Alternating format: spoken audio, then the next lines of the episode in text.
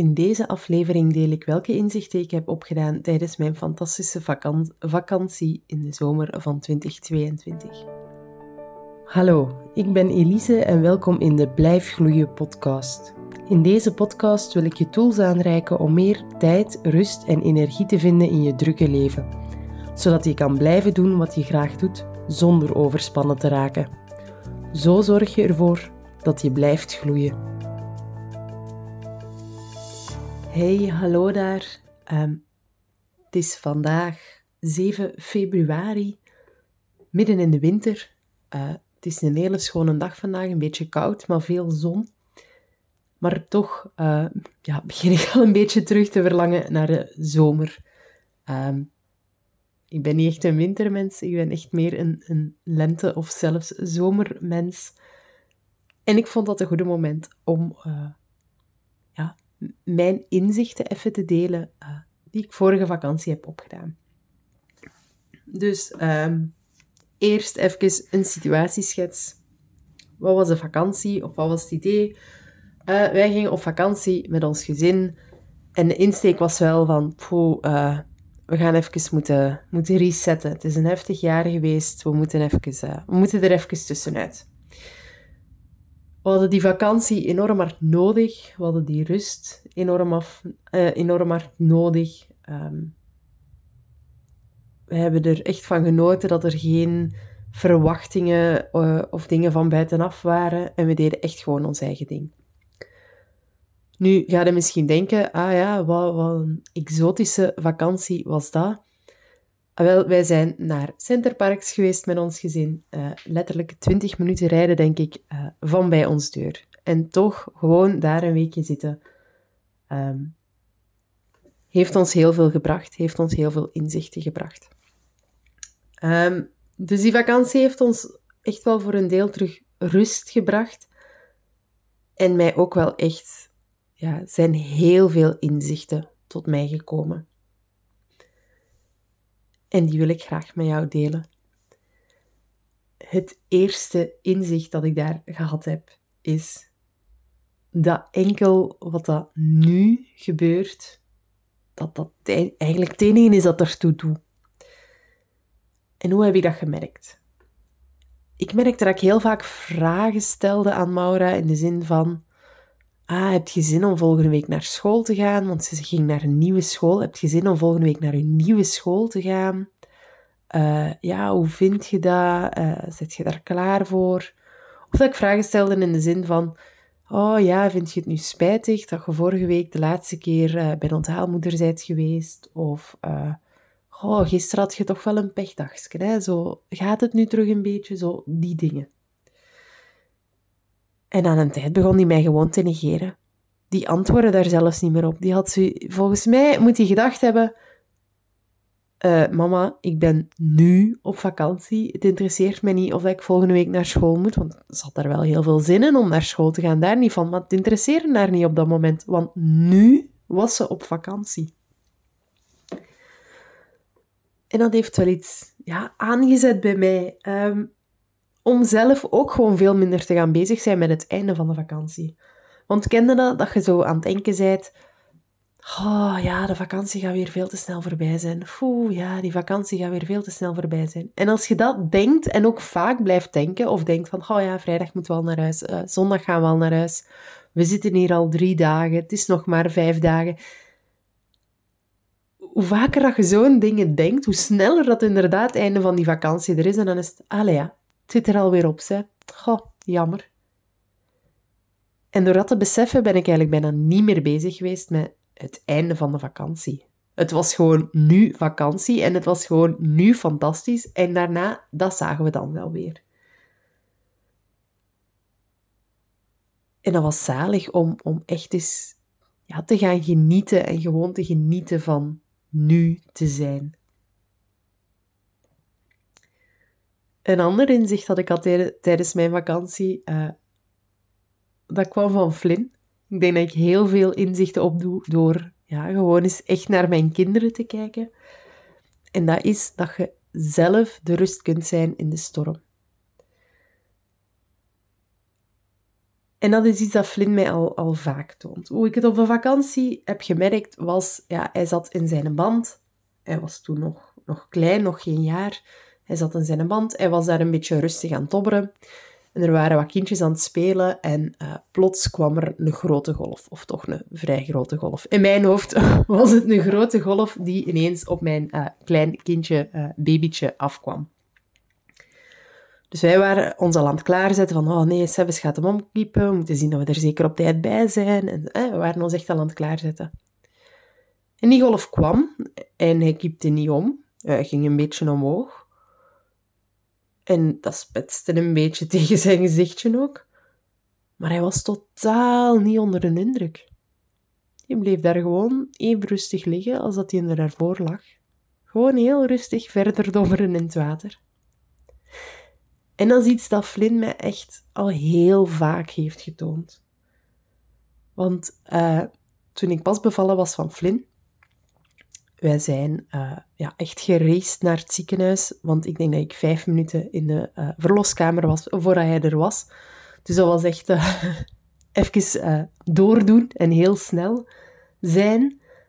Ehm, maar vlak na mijn bevalling, of een uurtje, twee uurtjes na mijn bevalling, had ik nog steeds heel veel last van bloedverlies.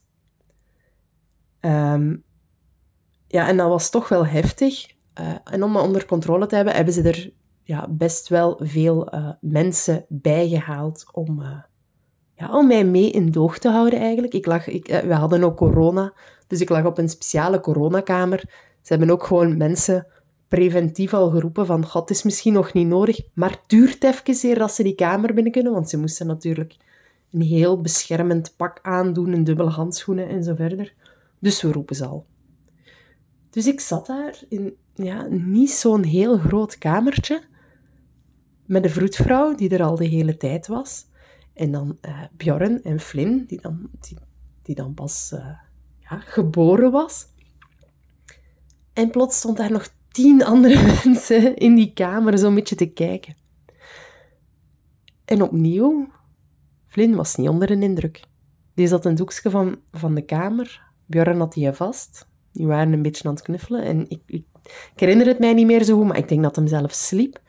Hij was alleszins zo stil dat ik uh, verpleegkundige naast mij zo al een beetje horen murmelen van ja, en de baby, hè? dat ze al schrik hadden van oei, de baby is er nog niet. Hoe, hoe gaat het daarmee eigenlijk met de baby?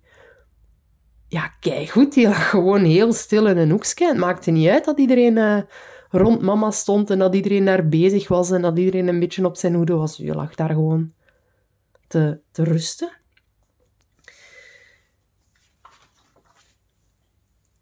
En dat flintelt mij dat zo vaak, dat je eigenlijk zelf de rust kunt zijn in de storm. En daaruit haal ik echt wel van, ja, het is niet omdat de mensen, of zelfs misschien de hele wereld rondom je druk is, dat jij daaraan moet spiegelen. Dat jij dat druk gedrag moet gaan imiteren, gaan kopiëren, gaan spiegelen. Het is volkomen oké om uh, bijvoorbeeld op het werk, hè, als je merkt van oh, oh, iedereen heeft het hier druk en iedereen is druk bezig en iedereen is wat zenuwachtig en zo, dan is het volkomen oké om dat niet te zijn. En dan wel gewoon te zeggen van eh, ja, sorry mannen, maar voor mij gaat het nu niet. Ik ga wel gewoon om vijf uur naar huis. En om niet mee te gaan in die stress. Dat is volkomen oké. Het is soms wel heel gemakkelijk en heel verleidelijk om mee te gaan in die stress. Maar dat hoeft dus niet. We kunnen zelf de rust bij onszelf vinden in een storm. En dat vond ik toch ook wel een mooie uh, om even te delen. Het volgende inzicht dat heeft niet zoveel te maken met mijn kinderen. Um, maar echt wel heel hard met mezelf. En dat is dat ik gemerkt heb dat ik het meest oordeel over andere mensen op het moment dat ik ook het meest het gevoel heb dat andere mensen over mij oordelen. Wat eigenlijk zoveel betekent dat hoe vaker ik denk, oh my god, wat heeft die aan? Hoe vaker dat ik denk, oh nee, de mensen moeten denken, wat heeft die aan? Over mij dan. En dat vond ik ook wel opmerkelijk. Het was mij nooit zo opgevallen dat die twee zo rechtstreeks in verband stonden met elkaar. Het was mij nooit zo opgevallen dat er iets was dat gebeurde en dat ik daardoor mij meer beoordeeld voelde en ook tegelijkertijd meer ging oordelen. En wat dat, dat iets dan ook mag zijn. Ik denk dat het voor een deel ja, goed in zitten uh, is of zelfvertrouwen. Daar ben ik nog niet volledig uit hoe ik dat dan zou definiëren. Maar ik merkte wel dat ik beide kanten kon beïnvloeden. En dat dat dan ook invloed had op de andere. Dus als ik zelf minder ging oordelen over andere mensen, dan had dat ook als effect dat ik minder ging denken: oh nee, wat moeten de mensen wel niet denken? En hoe deed ik dat dan? Minder oordelen, dat is voor mij soms ook ja, een ongoing uh, proces. Maar voor mij betekent dat uh, vaak wel dat ik opmerk dat ik aan het oordelen ben. En dat ik dat vervang door uh, ja, iets positiever. Bijvoorbeeld, um, als ik iemand zie en die heeft heel uh, ja, bizarre kleren aan in mijn hoofd. En ik merk dat ik denk, oh nee, wat heeft die nu aan? Dan probeer ik dat op te merken van, oh oh, ik ben hier aan het oordelen over mensen. Om dat dan meteen te vervangen door iets als, ik vind dat eigenlijk wel gedurfd dat die zich zo durft uitdrukken met haar kleding. Dat is al een heel andere gedachte. En zo probeer ik dat vaker op te merken dat ik oordeel en te vervangen door een positievere gedachte. En dat heeft dan invloed op dat ik mezelf ook minder ga aantrekken van wat de anderen denken. Aan de andere kant kan ik ook mezelf minder aantrekken van wat de anderen denken. Lijkt gemakkelijk, ehm, maar natuurlijk kun je niet beslissen wat je aantrekt. Wat dat voor mij wel betekent is als je merkt dat je denkt, oh nee, wat gaan de mensen denken? Om soms toch die dingen eens te doen. En zo kwam het dan mij, hè? zo kwam dat dan tot uiting op de vakantie. Ik voelde me misschien heel hard bekeken als ik vol overgave aan het meedansen was uh, tijdens de kinderdisco. Maar voor mij voelde dat wel oké. En mijn dochtertje wou ook heel graag dat ik meedanste. Dus dat was voor mij eigenlijk reden genoeg om gewoon vol overgave te gaan meedansen. En dan deed het er niet meer toe wat de anderen dachten. Natuurlijk dacht ik nog heel vaak van, oh, wat moeten al die mensen wel niet denken? Maar ik deed het toch. En doordat ik het toch deed, ging ik mezelf automatisch minder aantrekken van wat de anderen denken. En tegelijkertijd ging ik dan zelf ook nog minder oordelen over anderen. Dus ik vond dat heel mooi dat die twee, om op te merken dat die twee dingen zo in verbinding staan met elkaar en ook zo beïnvloedbaar zijn. Langs twee kanten, bij mij. Een ander inzicht dat ik heb gehad is dat um, negativiteit nogal lang blijft hangen. Uh, ik had een berichtje gekregen, ik was daar een beetje vervelend over en ik raakte daar zo precies niet vanaf. Dat, dat bleef zo hangen. En ik denk dat ik ondertussen ook ja, een beetje weet voor mezelf hoe dat dan misschien wel komt. En dat is dat positieve emoties, dat die vaak hevig zijn. Die komen op hey, en dat hebt weer weg. Terwijl negatieve emoties, die proberen we vaak te onderdrukken. En dat dat ja, dan blijven die zo precies zo wel ergens sluimeren. Van, ah, ik voel me ambetant. Ah. En wat ik nu gemerkt heb, dat het veel makkelijker is dat als ik die toelaat, dat die daarna ja, weg hebben. En voor mij is dat toelaten uh, dingen een keer uitspreken of misschien zelfs uitschrijven. Ik hoef het zelfs niet tegen iemand te zeggen, maar gewoon even ventileren wat dat er, ja, wat dat er speelt of wat ik ambetant vind. En ik heb daarna ook gemerkt dat ik ook kan beslissen wat ik daarmee doe. En dat kan bijvoorbeeld zijn dat ik een actie ga ondernemen. Ik kan uh, personen blokkeren, personen niet meer zien, uh, antwoorden dat ik bepaalde dingen niet leuk vind. Of ik kan gewoon bepaalde grenzen gaan stellen en zeggen van, oh ja, kijk, ik wil gerust met u praten, maar niet als je daar of daar of daar over spreekt.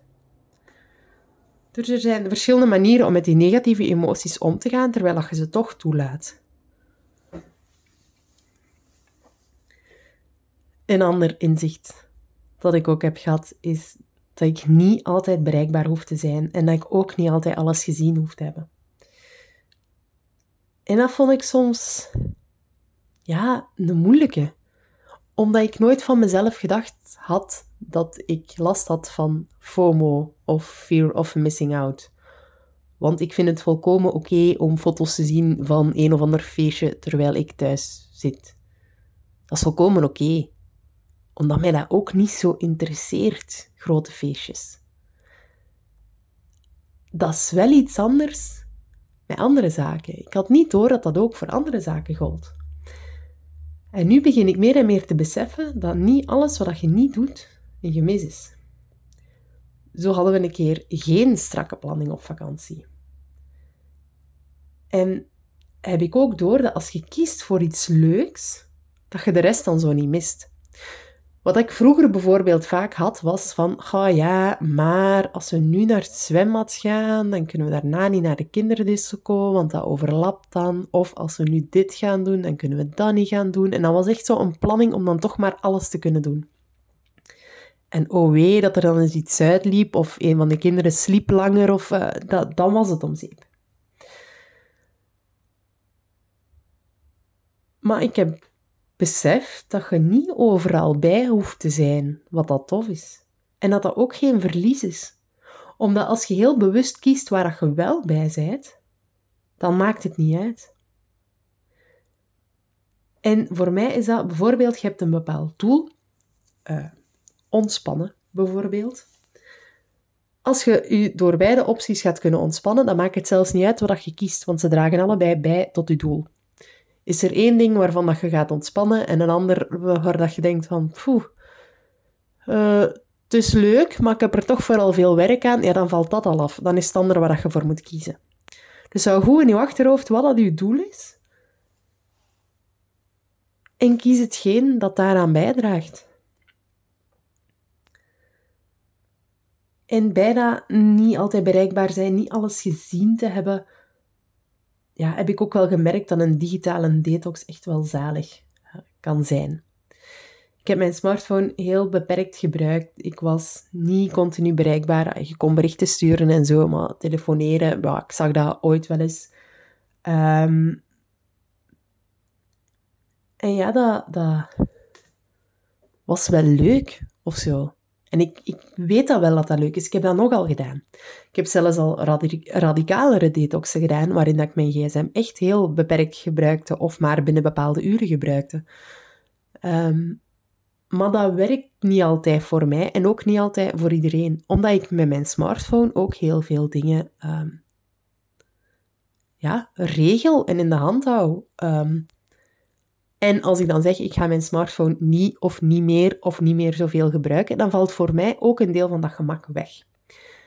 Dus dat is ook wel iets waar ik ja, ook nog mee bezig ben. Zo eigenlijk een, een digitale detox die mij past. Hoe vaak uh, gebruik ik mijn smartphone zonder dat het uh, een belemmering is? En een paar dingen die ik daar al wel uh, op toepas, is heel bewust kiezen wie ik volg op social media. Um, op Facebook is het soms zelfs zo dat als ik niet geïnteresseerd ben in berichten of berichten niet wil zien, dat ik die ook probeer zo consequent mogelijk te verbergen, zodat ik ze niet meer hoef te zien. Uh, en dat ik ook dus mensen uh, zal ontvolgen als, als niet meer van toepassing is uh, op mijn leven. En wat je daar ook bij kunt doen, is je afmelden van nieuwsbrieven. Nu natuurlijk, ik praat hier ook wel een beetje tegen mijn eigen winkel. Ik heb ook Instagram, ik heb ook nieuwsbrieven. Um, Maar als jij het gevoel hebt van, eigenlijk, wat dat Elise daar vertelt, dat, dat draagt niks bij in mijn leven, waarom doe het dan? Waarom kijkt het dan? Waarom lees het dan? Omdat je dat allemaal wilt hamsteren en wilt verzamelen? Die reden is misschien niet goed genoeg. Want dat gaat over je mentale capaciteit, dat gaat over je tijd dat je daaraan insteekt. Ik hoop natuurlijk dat je blijft uh, als volger of als uh, nieuwsbrieflezer. Maar als je echt het gevoel hebt van ik haal hier niks uit, ik heb hier niks aan, doe het dan niet. Meld je dan af. En ik wil er ook al even als kanttekening bij zetten. De bedoeling is om niet al te vaak uh, nieuwsbrieven te gaan schrijven. Ik wil er ook echt schrijven als ik iets te vertellen heb. Um, ik zit een beetje wel in de opstart van hoe ga ik dat aanpakken. Dus misschien zijn er nu wel iets meer mailtjes, maar de bedoeling is dat dat zeker terug gaat liggen. Ik vind het heel vervelend om elke dag of zelfs meerdere keren per dag mailtjes te krijgen van mensen. Dus de bedoeling is zeker niet om dat te gaan doen. En het laatste inzicht dat ik daar ook had, is dat spelen heel belangrijk is. En dat gaat er voor mij over om tijd te nemen voor dingen te doen, met als enige reden dat je ze graag doet. Dus niet omdat je uh, aan sport moet doen, of niet omdat dat goed voor je is, of niet omdat het zo hoort, of weet ik veel wat. Gewoon, ah, dit ziet er leuk aan, het heeft verder geen enkel nut, geen enkel doen, maar ik ga dat nu wel doen. En echt ook volledig doen. Smijt u daar ook volledig in. Ik probeer ook als ik met mijn kinderen speel, volledig samen met te spelen. Volledig mee te gaan in een verhaal en ook niks anders te doen. Dat lukt zeker niet altijd. Ik ben heel vaak afgeleid. Ik ben heel vaak ja, met mijn smartphone bezig. Of bezig met, oh, wat, gaan we, wat gaan we eten straks? Of hoe moet ik dit gaan doen? Maar ik probeer wel regelmatig echt een keer mee te spelen. En dat spel dan ook echt heel serieus te nemen. En dat is heel fijn. Dat brengt u heel veel en dat is ineens een heel goede oefening om in, meer in het nu te zijn. Voilà, dat waren mijn inzichten van mijn afgelopen vakantie. Ik, uh, ik wil die graag met jou delen. Ik hoop dat je er iets aan gehad hebt. Ik zal ze misschien nog eens even kort herhalen. En dat is, ja, wees je meer bewust van wat er nu is. En hou minder rekening mee met wat dat geweest is of met wat zou kunnen zijn. En tweede is dat je zelf rustig kan zijn, ook al is de wereld dat niet. Je kan die rust echt bij jezelf vinden. Derde is, let op met je oordelen of je vooroordelen, want dat zou wel eens kunnen uh, terugkomen, kunnen backfiren naar jou. De vierde is laat negativiteit toe. Laat het er gewoon even zijn. En dan hebt het vanzelf wel weer weg. De vijfde is doe bewust sommige dingen niet. Kies er soms voor om dingen niet te doen, om dingen links te laten liggen. En de laatste is doe iets waar jij blij van wordt. Ga daar gewoon naar op zoek. Zoek iets waar jij blij van wordt en doe dat. En dan zie je ooit later misschien wel weer wat dat ervan komt.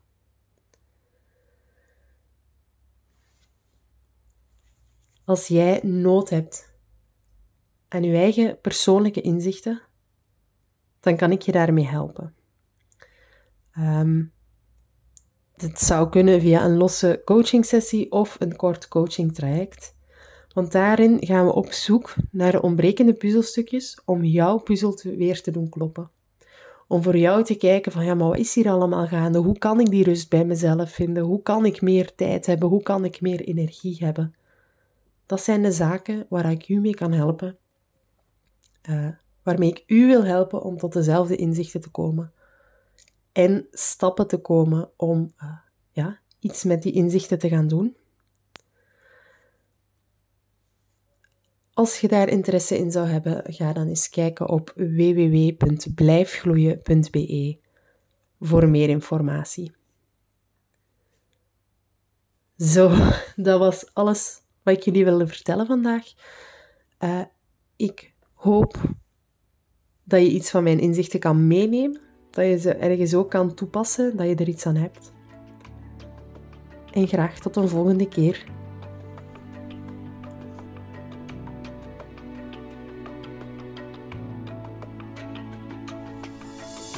Bedankt voor het luisteren van deze aflevering. Ik hoor heel graag wat je van de podcast vond. Laat het mij weten via Instagram. Je kan me daar ook vinden onder de naam Blijf Gloeien. Of stuur een mailtje naar elise.blijfgloeien.be. Vond je het een leuke podcast, dan kan je me ook helpen door een review achter te laten. Tot een volgende keer in de Blijf Gloeien podcast.